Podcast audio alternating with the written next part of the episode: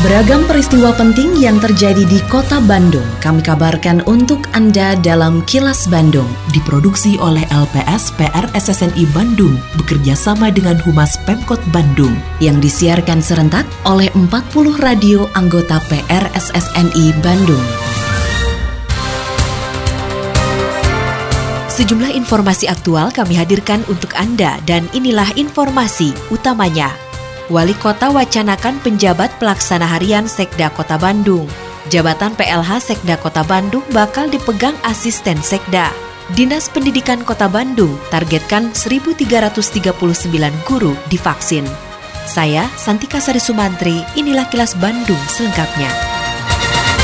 Wali Kota Bandung Oded M. Daniel berencana menunjuk pelaksana harian atau PLH Sekretaris Daerah Kota Bandung. Rencana ini mengemuka setelah Sekretaris Daerah atau Sekda Kota Bandung Emma Sumarna dinyatakan terkonfirmasi positif COVID-19. Oded menyatakan penunjukan PLH Sekda Kota Bandung terkait dengan roda pemerintahan yang harus terus berjalan. Padahal Emma diperkirakan perlu waktu dua pekan untuk memulihkan kondisi tubuhnya agar segera terkonfirmasi negatif COVID-19. Odet juga berharap Emma bisa segera pulih dan kembali melaksanakan aktivitasnya seperti sedia kala. Terkait terpaparnya Emma oleh virus corona, meski sudah menerima dua dosis vaksin COVID-19, Oded kembali mengingatkan kepada warga kota Bandung, khususnya kepada warga yang telah tervaksin COVID-19. Menurutnya, vaksin COVID-19 tidak 100% menjamin terhindari dari virus. Oleh karenanya, orang yang telah tervaksin harus tetap berhati-hati. Hari ini saya juga akan berkoordinasi dengan Pak Wakil dan juga dengan BKPP untuk membahas kira-kira PLH atau PLH, PLT, PLH ya. Ya apa nanti pas ada PH makanya itu seperti itu uh, karena mungkin pas ada kayaknya paling tidak dua minggu makanya harus istirahat. Kalau ukurannya mau saja dulu sekitar dua minggu saja ya mudah-mudahan lebih cepat Pak Emma pulih seperti itu Wakil Wali Kota Yana Mulyana menyatakan sudah menunjuk penjabat pelaksana harian atau PLH Sekretaris Daerah Kota Bandung. Menurutnya PLH yang ditunjuk merupakan asisten dari Sekda Kota Bandung Emma Sumarna yang saat ini harus menjalani isolasi pasca positif COVID-19.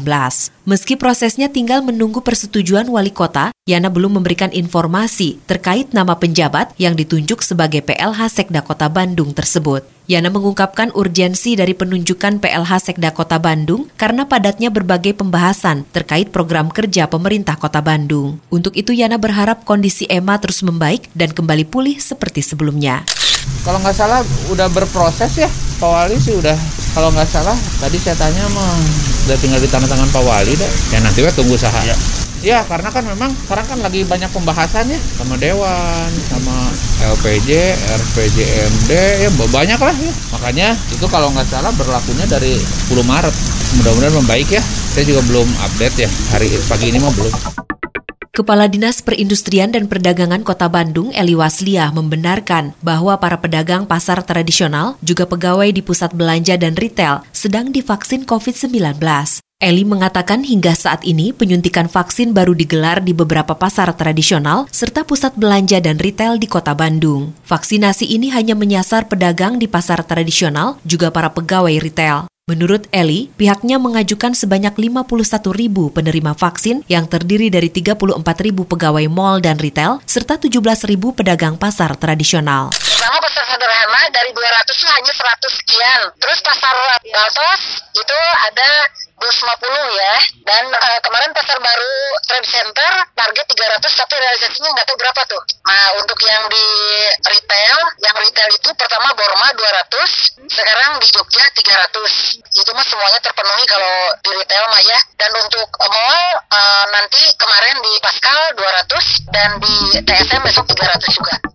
Dinas Pendidikan Kota Bandung menargetkan pemberian vaksin COVID-19 bagi 1.339 tenaga pendidik di Kota Bandung. Vaksinasi terhadap guru dilakukan sebagai salah satu bentuk persiapan menjelang pelaksanaan sekolah tatap muka tingkat SD dan SMP. Kepala Subbagian Umum dan Kepegawaian pada Dinas Pendidikan Kota Bandung, Sukanda Permana mengatakan, vaksinasi tenaga pendidik di Kota Bandung baru diberikan kepada sekitar 20 guru. Mereka adalah perwakilan tenaga pendidik Kota Bandung yang menerima vaksin lebih dulu secara simbolis. Menurut Sukanda, selain vaksinasi, kesiapan protokol kesehatan masing-masing sekolah juga menjadi prasyarat mutlak yang harus dipenuhi untuk memberikan jaminan keamanan dan kenyamanan saat kegiatan belajar mengajar tatap muka. Rencananya pembelajaran tatap muka tingkat SD dan SMP di Kota Bandung akan dimulai pada Juli nanti. Namun, hal tersebut masih sangat bergantung pada keputusan pemerintah pusat.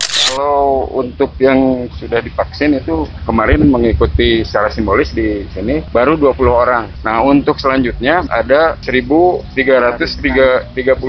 orang yang akan divaksin. Kalau untuk persiapan dilihat ke PTM, kami targetnya semuanya supaya semua guru sudah vaksin.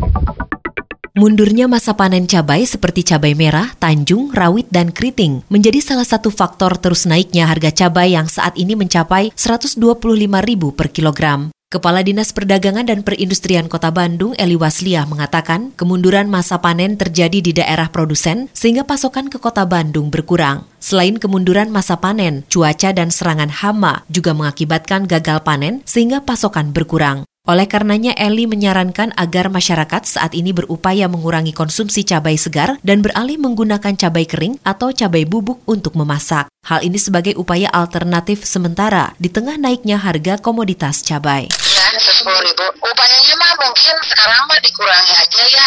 Mungkin makannya yang kedua mulai suka dengan cabai kering gitu ya. Cabai kering, cabai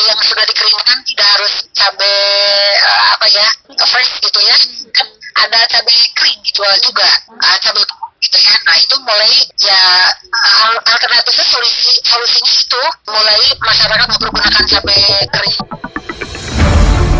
kini audio podcast siaran Kilas Bandung dan berbagai informasi menarik lainnya bisa Anda akses di laman kilasbandungnews.com.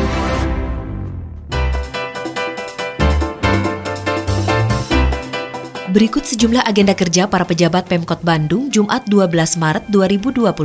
Wali Kota Oded M. Daniel menghadiri rapat paripurna DPRD Kota Bandung dengan agenda pengucapan sumpah janji anggota DPRD pergantian antar waktu di gedung DPRD Kota Bandung. Berikutnya secara virtual memberikan tausiah pada peringatan Isra Mi'raj yang diselenggarakan oleh PGRI Kota Bandung. Wakil Wali Kota Yana Mulyana melakukan peninjauan dalam rangka persiapan verifikasi awal P2WKSS di Kelurahan Cijerah. Selanjutnya menghadiri dan memberikan sambutan secara online pada press conference sekaligus kick-off program GoFood Dukung UMKM Makanan Tradisional Bandung. Selain agenda kerja para pejabat Pemkot Bandung, informasi dari Humas Kota Bandung, yaitu Wakil Wali Kota Bandung Yana Mulyana, mengajak masyarakat untuk berani berkreasi dan inovatif membuka beragam peluang usaha di tengah pandemi COVID-19, namun dengan tetap mengutamakan protokol kesehatan. Ia mengungkapkan saat ini Kota Bandung sedang berupaya bangkit untuk mendongkrak roda perekonomian yang terdampak akibat pandemi COVID-19.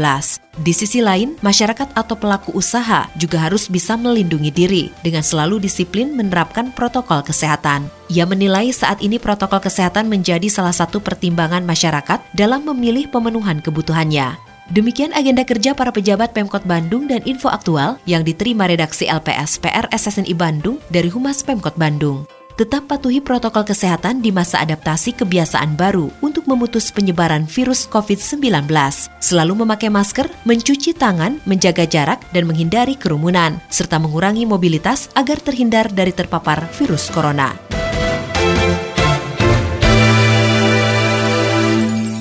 Terima kasih Anda telah menyimak Kilas Bandung bekerja sama dengan Humas Pemerintah Kota Bandung yang diproduksi oleh LPSPR SSNI Bandung.